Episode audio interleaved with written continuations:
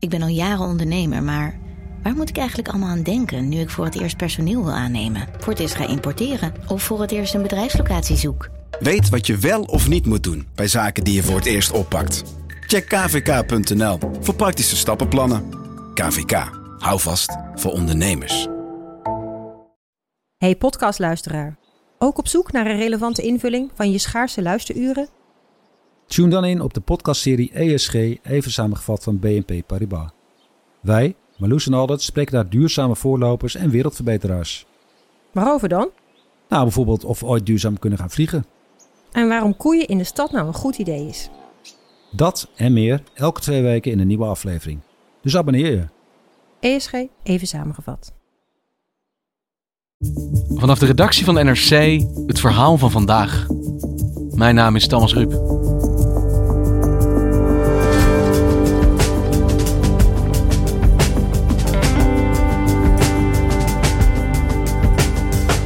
Limburgse ziekenhuizen horen bij de zwaarst door corona getroffen medische instellingen van Nederland. Verslaggever Lisa van Lonkhuizen liep een week mee met ziekenhuisdirecteur David Jonge. Hoe bereidt hij zich voor op de toestroom aan coronapatiënten die deze week wordt verwacht? En hoe houdt hij het vol?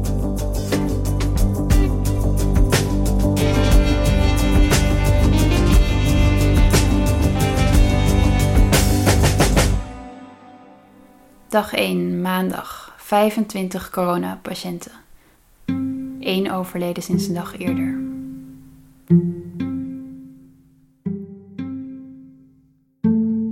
Ik liep op een maandagochtend, uh, een uur of acht ochtends, over het terrein van het Zuiderland ziekenhuis. Het is een enorm gebouw, een nieuwbouw tussen Sittard en Geleen in. En de grote draaideur waar je normaal door naar binnen gaat, die was dicht. En daarnaast stond wel een deur open, maar daar stonden verpleegkundigen en artsen voor in de rij. Een heel vreemd beeld al meteen om zo aan te komen. Uh, een beveiliger die in de deur stond, die uh, controleerde de werkpasjes. Daar ben ik achteraan aangesloten. En uh, toen mocht ik naar binnen, want ik was geen bezoeker, ik was aan het werk. Door de deur heen kwam ik in een enorme hal van ruim 200 meter lang. Die was eigenlijk bijna leeg, wat echt heel, heel raar is. Je zag uh, wel uh, ja, Bali-medewerkers achter een soort lint uh, zitten, zodat mensen niet te dichtbij konden komen. maar verder was er bijna niemand. Ja, op televisieschermen waar je normaal patiëntinformatie ziet staan, zie je nu een man praten. Goedendag, dat is de directeur van het ziekenhuis. Die uh, maakt elke dag voor het personeel een, uh, een videoboodschap. Zoals u ongetwijfeld de afgelopen dagen via allerlei media, social media, kranten, televisie, radio heeft gelezen, gezien of gehoord, zit Zuiderland, de Zuiderland ziekenhuizen, in zwaar weer rondom de verspreiding van het coronavirus. Wij zien op dit moment een grote toeloop van coronaverdachte patiënten in Sittard-Geleen en in Heerlen. Dat was de man die ik moest hebben die dag. Uh, dat is David Jonge, de bestuursvoorzitter. En ik vond hem twee verdiepingen hoger uh, drukbellend uh, in zijn kantoor. Wat was jouw afspraak met hem? We hadden afgesproken dat ik hem een week lang mocht volgen. Dus dat ik een week lang mocht zien wat hij meemaakt in deze rare tijd. En wat voor soort beslissingen hij moet nemen in deze tijden van corona. dus ik mocht eigenlijk, hadden we afgesproken, door zijn ogen deze crisis meemaken. En ja, dat is wel bijzonder, want Zuiderland, uh, het ziekenhuis wat hij leidt, is enorm. Dat heeft uh, twee locaties, in Sittard Geleen en in Heerlen. En uh, eh, 13 verpleeghuizen, thuiszorg, GGZ. Dus in Limburg is het echt een ongelooflijk belangrijke speler in de zorg. Ja, dat is gewoon een ziekenhuis waar vanaf het begin corona door de gangen waarde. Dat is een plek die echt getroffen werd door corona vanaf het begin. Een beetje zoals in Brabant. Goedenavond. Het coronavirus heeft Limburg bereikt. De GGD maakte zojuist bekend dat een man uit Geleen van 55 positief getest heeft op het virus. In Limburg uh, lopen wij voorop in de ontwikkeling van het aantal coronapatiënten. Dat is trouwens niet iets om trots op te zijn. Normaal is dat wel zo als je ergens in voorop loopt. We hebben gewoon die pech. Eh, Terwijl zijn collega-ziekenhuizen één of twee coronapatiënten hadden, had hij er al eh, tussen de 10 en 20. Uh, dat ging heel snel. Ik wilde gewoon zien hoe zij dit, uh, dit doen, hoe zij dit proberen op te vangen. En kan jij eens beschrijven, wat is dat voor man? David Jonge is in de 50. hij komt oorspronkelijk uit Limburg en daar werkt hij nu weer ehm, als bestuursvoorzitter van het Zuiderland. Hij is heel ehm, ja, bevlogen. Hij vraagt aan iedereen hoe het gaat. Uh, als het Bali-personeel is of ja, langslopend, maakt niet uit wie eigenlijk. Gaat het nog? Hou je het vol? Ehm, dus ja, hij is constant in de weer ook om, om mensen een beetje in de lucht te houden. En hoe ging het met hem op dat moment? Hij werkte toen ik hem voor het eerst belde al twaalf dagen achter elkaar. Toen probeerde hij die zaterdag even vrij te nemen omdat zijn zoon jarig was. Hij werd acht. En er waren wat mensen over de vloer, maar eigenlijk was het niet te doen. Gewoon uh, constant bellen, niet te doen. Tot tien uur s avonds, zei hij. Maar hij, hij is gewoon helemaal begraven in het werk. Hij wordt continu gebeld, gemaild. Hij is heel erg druk. Hij zegt dat het, ja, het is heel vreemd voor hem, want eigenlijk is zijn hele agenda leeggevaagd. Alles is nog maar, alles is corona nu. Uh, dus dus hij heeft soort van uh, geen afspraken, maar wel heel veel te doen. Dus dat is heel uh, gek. En alsmaar crisisvergaderingen, crisisvergaderingen. Het is gewoon één grote crisisweek. En wat zijn jullie gaan doen op die eerste dag? De eerste dag mocht ik bij allerlei vergaderingen zitten. Dus de crisisvergadering en de vergadering met de ondernemingsraad. Daarna zijn we eigenlijk gewoon door het ziekenhuis gaan lopen. Heeft u een beetje laten zien hoe Zuiderland er van binnen uitziet. En toen ik met hem rondliep, toen vertelde hij, uh, tenminste toen vroeg ik hem van, ben je een beetje ervaren met een crisis, zeg maar? Heb je dat vaker meegemaakt? En dat had hij wel. Hij is jaren uh, lid geweest van de raad van het bestuur van het UWV. Dus ja, daar is wel eens een crisis. Uh, maar dat was heel anders natuurlijk. Dat waren meer politieke problemen. En dit gaat over leven en dood. Hij heeft ook een keer gehad bij het Zuiderland dat in één keer alle ICT uitviel. Niet alle, maar wel veel ICT. Dus dat was ook echt een crisis. Maar dit is anders. Dit is een soort sluimerende crisis. Hij noemt, hij noemt het ook wel een ramp in slow motion. Uh, dit vindt hij natuurlijk ook wel het allerheftigste wat hij ooit heeft meegemaakt. Uh, dit uh, wordt een marathon. Dit gaat echt nog een paar weken duren. Hoe snel en hoe hard het gaat met het aantal patiënten. En of we in Italiaanse toestanden terechtkomen. Niemand kan dat zeggen. Maar dat we meer patiënten gaan krijgen, dat staat vast.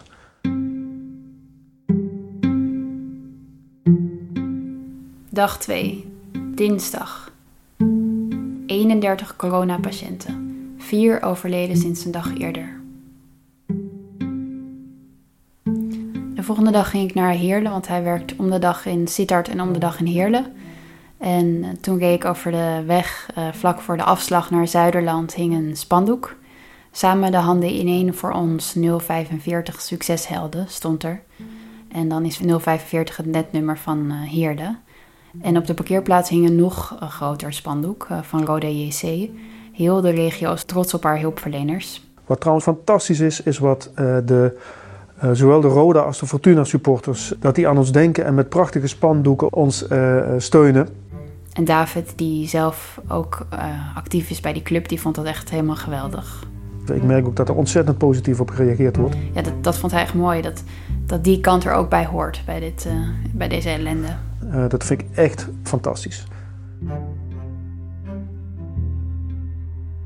Dus dag 2 begint voor hem uh, met een positieve noot. Begon positief, ja.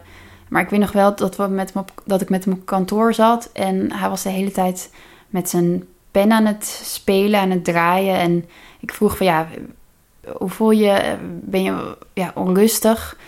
En dat was ook zo. Hij was, ja, hij zei dat hij eigenlijk nog nooit zo onrustig was geweest. Niet per se die dag, maar eigenlijk al weken. En dat is niet door die honderden telefoontjes, appjes, mailtjes die hij krijgt. Maar ja, dat komt gewoon door, de onzekerheid, legde hij uit. Van ja, wij nemen steeds stevige maatregelen, steeds ingrijpendere dingen doen wij. We bellen gepensioneerd personeel terug. Hele afdelingen worden gesloten om corona-afdelingen te worden. Maar hoe lang is dit genoeg? En komt er echt een moment dat wij alles hebben gedaan, maar toch iemand aan de poort staat die wij moeten weigeren. Dat was zijn grootste angst en dat is ook wat hem zo onrustig maakt. Van ja, doe ik nu wel genoeg om dat straks te voorkomen? En concreet, wat waren de uitdagingen waar hij en zijn ziekenhuis op dat moment voor stonden? Wat moest er gebeuren? Op dat moment uh, wachten ze eigenlijk op uh, een richtlijn van het RIVM om de mondkapjes te mogen hergebruiken na desinfectie. Het RIVM zou daar een soort protocol voor over uitbrengen. Dat zouden ze eigenlijk al voor het weekend doen. Uh, en dan zouden zij hun mondkapjes kunnen reinigen, want op dat moment was dat echt heel erg nijpend probleem. En al die mondkapjes die ze hadden gebruikt lagen in dozen te wachten op de gang om te worden hergebruikt. Toen waren er geloof ik nog, ja, was er iets van twee dagen voorraad. En dan zie je wel dat hij in de vergaderingen zelf mensen sust van ja, denk maar niet over scenario's die niet komen, maak je er geen zorgen over. Maar ja, hij moet het dan vervolgens regelen. Ja, het is eigenlijk een heel simpel, maar heel pijnlijk probleem. Want zonder mondkapjes geen zorg voor coronapatiënten, denk ik. Ja, want zijn principe eh, is van wij sturen niemand onbeschermd op een coronapatiënt af. Dus als er geen mondkapjes zijn, dan stopt het. En dat zei hij ook, dat weet de minister ook. Uh, maar ja, ja, die kan ook, zoals hij zei, geen ijzer met zijn handen breken. En hij was zich net aan het opwinden daarover toen een journalist van het blad uh, Zorgvisie belde. Dus daar liep hij even goed over leeg op dat moment. Hij zegt, uh, zonder mondkapjes stopt het. Dat kwam ook zo op die site te staan. En stopt het, bedoelen ze, stopt de zorg? Stopt de zorg, ja. Die dag in de crisisvergadering waar ik bij zat, werd ook gezegd van ja, er zijn vanochtend weer, of althans afgelopen etmaal weer twee mensen overleden aan corona. En die sloeg er ook wel een beetje, een beetje in, zag ik bij uh, de crisismanagers, die normaal vrij feitelijk en ja, nuchter en lustig over onderwerpen praten, waren ze hier toch wel even stil van.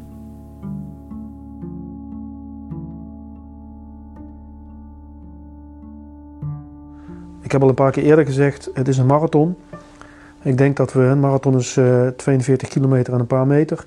Ik denk dat we nu op de 5 kilometer zitten, om in de beeldspraak maar te blijven. Dus we hebben er nog, uh, we hebben nog een stukje te rennen en te lopen. Dag 3. Woensdag. 36 coronapatiënten, geen overleden sinds een dag eerder. Op woensdag vroeg hij of ik een kwartiertje eerder kon komen, want het bestuur was uitgenodigd bij een afdeling. Het ging om een, wat hij dan een corona-cohort-afdeling noemde. Dus dat was een plek waar mensen die coronasymptomen uh, vertoonden, uh, werden getest en uh, daar konden wachten op hun uitslag. Dus het was echt een plek waar ja, hoog risico was voor, voor verplegend personeel. En voelt het personeel zich voldoende beschermd daar tegen potentiële besmettingen? Want ik kan me toch voorstellen dat dat een angst is waar zij mee rondlopen. Ja, ze hadden in principe nog wel gewoon genoeg beschermend materiaal. Wat je wel zag in de crisisvergaderingen waar ik dan elke dag bij zat, is dat het ziekteverzuim steeds een beetje opliep. Dus dat zegt wel iets over, ja, over ziekte dan wel, misschien angst. Uh, op vrijdag, de eerste dag dat ik hem een beetje begon te volgen en we veel begonnen te bellen op dat moment nog, um, waren er vier medewerkers uh, positief getest op corona van de ziekenhuizen. En eigenlijk daarna zijn ze gestopt met testen, omdat er te weinig testmateriaal was. Dus hoeveel mensen precies corona hadden, dat, dat, wist, dat wist niemand meer. Um, maar het was wel heel zwaar. Dat zag je dus in dat ziekteverzuim. En ja, ik begreep ook dat, um, dat de ziekenhuizen psychische hulp aanboden aan de verpleegkundigen. We willen niet alleen zorgen dat jullie fysiek veilig zijn, we willen er ook voor zorgen dat jullie mentaal veilig zijn en blijven. En er ook een uitlaatklep hebben als je dat nodig vindt. En hoe ging het met het personeel? Welk beeld kreeg jij daarvan? Ze zeiden toen tegen de raad van bestuur van ja, het gaat nog wel. We hebben nu tien verdachten op dit moment uh, in het uh, ziekenhuis liggen. Verdacht is dus uh, ja, mogelijk corona. En ja, dit trekken we nog wel, het gaat wel. We praten veel met elkaar. En het bestuur vertelde dat zij heel hard bezig waren met die mondkapjes. En dat ook, ja, dat, dat duidelijk is voor iedereen buiten het ziekenhuis dat als er geen mondkapjes zijn, dat, dat de zorg dan stopt. En een verpleegkundige zei toen ook, dat vond ik wel een mooie opmerking, van ja, wat heftig eigenlijk dat, we, dat het daarmee valt of staat. Ja. Dus die was eigenlijk minder, minder bang voor haarzelf dan voor de patiënten die daar, die daar lagen. Die avond uh, is hij ook nog naar Jinek gegaan. Daar heeft hij ook dat nog een keer gezegd: van jongens, het gaat hier echt mis. Ziekenhuisdirecteur David Jonge over het nijpende tekort aan mondkapjes. Welkom bij Jinek. Hoeveel gebruiken jullie per dag? Wij gebruiken, we hebben niet alleen ziekenhuis, ook verpleeghuis en thuiszorg. En in dat totaal gebruiken we er per dag 3.500. En dan zijn we, zijn we heel zuinig, we hebben heel erg teruggeschaald alleen. Dag 4. Donderdag. 39 coronapatiënten. Eén overleden sinds een dag eerder. Ja, de volgende ochtend uh, kwam ik hem weer tegen. Was hij helemaal overspoeld door allerlei aanbiedingen om te helpen. Dat kwam ook trouwens door dat uh, stuk in zorgvisie. Ehm, ja, het was voor een deel echt allerlei partijen die ook mondkapjes hadden. Wel vaak kleine hoeveelheden, maar toch alle beetjes helpen. Een, leuke was er eentje van een boekrestaurantondernemer. Die had al aangeboden om 200 eh, maaltijden per dag bij de mensen langs te brengen, bij, bij het personeel. En die, die hadden nu ook nog, via connecties in China, hadden zij ook nog eh, mondkapjes weten te regelen. Volgens mij iets van 1500, dus een beetje een druppel op een groeiende plaat. Maar ja, dat soort dingen dat was wel heel mooi om te zien voor hem. Hallo, het is nu uh, donderdag 19 maart. We hebben nu op dit moment voor 5,5 dag voorraad mondkapjes. Dat is echt luxe. Uh, dat is veel beter dan dat we de afgelopen dagen hebben gehad. En ik hoop dat in de tussentijd um, het kabinet het lukt op die grote partijen die nu bij de grens staan, om die ook echt Nederland binnen te krijgen. Want dan zijn we van die sores uh, even af. En als die grote partijen mondkapjes de grens over zijn, is het voor hem dan opgelost? Nee, want vandaag zijn het mondkapjes en morgen zijn het dan beademingsbedden. En dan daarna kan het weer personeel zijn. De, de host, zoals hij dat noemde, van patiënten die komen gaat, dat is echt gewoon enorm. Dus hoe hij dat opvangt, dat is het grote probleem. Mondkapjes is hij nu uh, weer even oké op dat gebied. Maar ja, hoe, hoeveel mensen komen er nog? Dat is echt uh, de vraag. Dag 5, vrijdag. 52 coronapatiënten geen overleden sinds een dag eerder. En hoe heb jij hem gedurende de week dat jij bij hem was zien veranderen? Terwijl de situatie om hem heen ook intensiveerde. Ik heb hem niet echt vermoeid zien worden tijdens mijn bezoek. Uh, was hij fit. Als er een crisisvergadering uitviel, dan trok hij zijn hardloopkleding aan. Maar uh, toch is hij nu ook um, positief getest op het coronavirus. Hij is positief getest? zelf. En hoe is het met hem? Ja, hij heeft gelukkig milde klachten, dus hij is gewoon thuis uh, en hij doet zoveel mogelijk werk vanuit daar. Het is ook niet de enige persoon in de raad van bestuur, hij heeft nog twee collega's. Ja, ik zag, ik denk dat het werk, het werk hetgeen is wat hem het meest zorgen baart. Ik zag ook die week dat ik meeliep dat langzaam het besef indaalde van, nou, dit is niet 6 april voorbij, dit gaat nog veel, veel langer duren. En dat is wel een heftig idee natuurlijk. Nu al zijn artsen ernstig vermoeid en mensen op de bestuursgangen ook ernstig vermoeid. En ja, de, de grootste hoos aan patiënten die, die wordt nog verwacht natuurlijk. En had jij het gevoel dat zijn ziekenhuis en hij klaar waren voor wat er nog komen gaat? We hebben het hier natuurlijk de hele tijd over een piekmoment, over een grote golf die nog aan zit te komen. Hoe voelen ze dat daar? Ja, zij waren echt heel druk met het uitbreiden van beademingsbedden. Ik heb een beetje die jargon uh, overgenomen, maar dus bedden waaraan beademd kan worden en personeel dat kan beademen. Uh, druk met uh, gepensioneerd personeel bellen die dat kan. Druk met spoedcursussen voor ander personeel om die apparaten te leren bedienen. Het laatste stand van zaken die ik ken is dat er inmiddels 82 patiënten met corona in zijn ziekenhuizen liggen. Dus het gaat echt heel hard.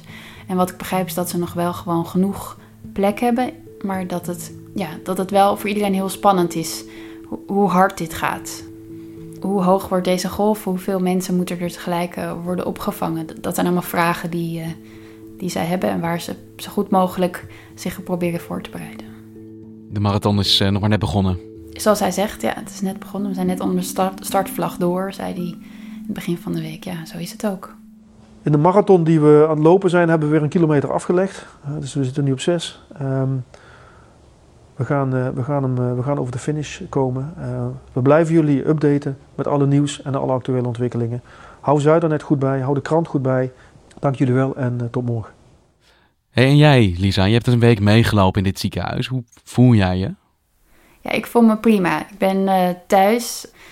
Twee weken lang hebben we afgesproken met de hoofdredactie. Dat geldt eigenlijk voor alle redacteuren die in de ziekenhuizen zijn geweest. Ja, die worden gevraagd om daarna even thuis te blijven. Uh, voor elkaar en uh, andere mensen die je misschien ziet op een uh, nieuwe reportage. dus dat doe ik ook. En heb jij een ander beeld gekregen van deze epidemie en wat ons misschien nog te wachten staat? Na wat jij gezien hebt daar? Wat ik een heftig idee vond, is dat ik er op vrijdag een punt achter kon zetten, letterlijk. En dat ik het kon publiceren en dat het een afgerond project was. Maar bij hen ging het door en werd het alleen maar heftiger. En was het maar een week. Dus hoe extreem dit is en hoeveel er wordt gevraagd van mensen, hoe hard zij werken, dat vind ik heel heftig uh, idee. En, en dan vraag ik me het gelijk af hoeveel er nog komt. Dankjewel, Lisa. Graag gedaan.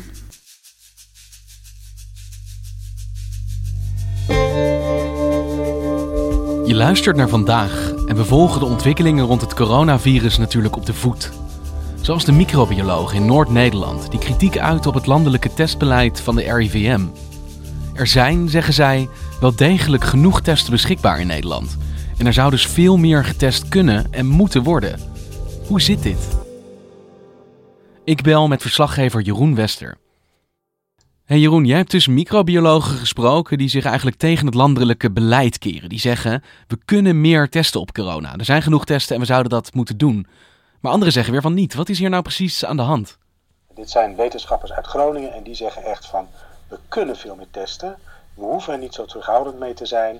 Uh, wij sporen veel meer uh, besmettingen op en kijken veel meer naar de familie omheen. En dat kan gewoon. En dat zijn zij ook aan het doen?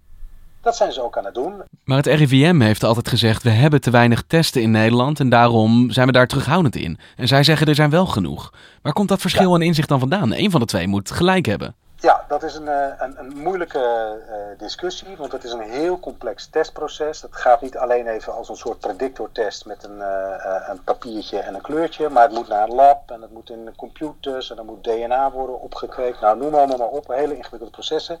Uh, dus uh, waar het precies aan zit, dat zijn we nu nog aan het uitzoeken. Maar ook de Wereldgezondheidsorganisatie zegt bijvoorbeeld van jullie zouden eigenlijk meer moeten testen. Nou ja, het RIVM zegt wij zitten in het uh, outbreak team. Wij hebben een landelijk overzicht. Wij moeten voor het hele land plannen en ook voor de komende weken. En zij schatten gewoon in van ja hallo, er is dus op termijn veel minder testmateriaal en testcapaciteit. Dus we moeten terughoudend testen, zodat niet over twee weken bijvoorbeeld de testen op zijn. Je kan dan nu heel enthousiast testen, maar over twee weken is het ook nog belangrijk om kwetsbare mensen te kunnen testen, om het vast te stellen en ze te behandelen. Maar het lijkt me best een grote stap dat nu dus in het noorden van Nederland eigenlijk gebroken wordt met het landelijk beleid. Waar ze dus zeggen, nou ja, we gaan het toch gewoon doen, dat testen. Ja, alleen ze zijn volgens mij wel een beetje teruggefloten. Er is gisteren een persbericht van de vakvereniging uitgegaan dat zij zich committeren aan de richtlijn. En uh, van, de, de, de microbiologen committeren zich aan de landelijke richtlijn van het RIVM. En die hebben natuurlijk een landelijk overzicht. En die zeggen gewoon, we kunnen dat niet hebben. Zeker niet als we ook willen dat we over een week of twee weken ook nog steeds kunnen testen. Dus het is niet meer zo dat je, als je in het noorden van het land woont, meer kans hebt om getest te worden dan daarbuiten? Nou, dat weet ik niet. Dat weet ik niet, want die uh, microbiologen daar die maken ook hun eigen wattenstaafjes en bakjes en weet ik wat. Dus die zijn wat creatiever bezig om met de tekorten aan testmateriaal om te gaan. Dankjewel, Jeroen. Ja, graag gedaan.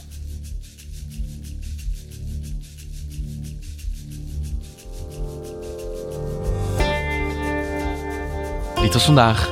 Morgen weer.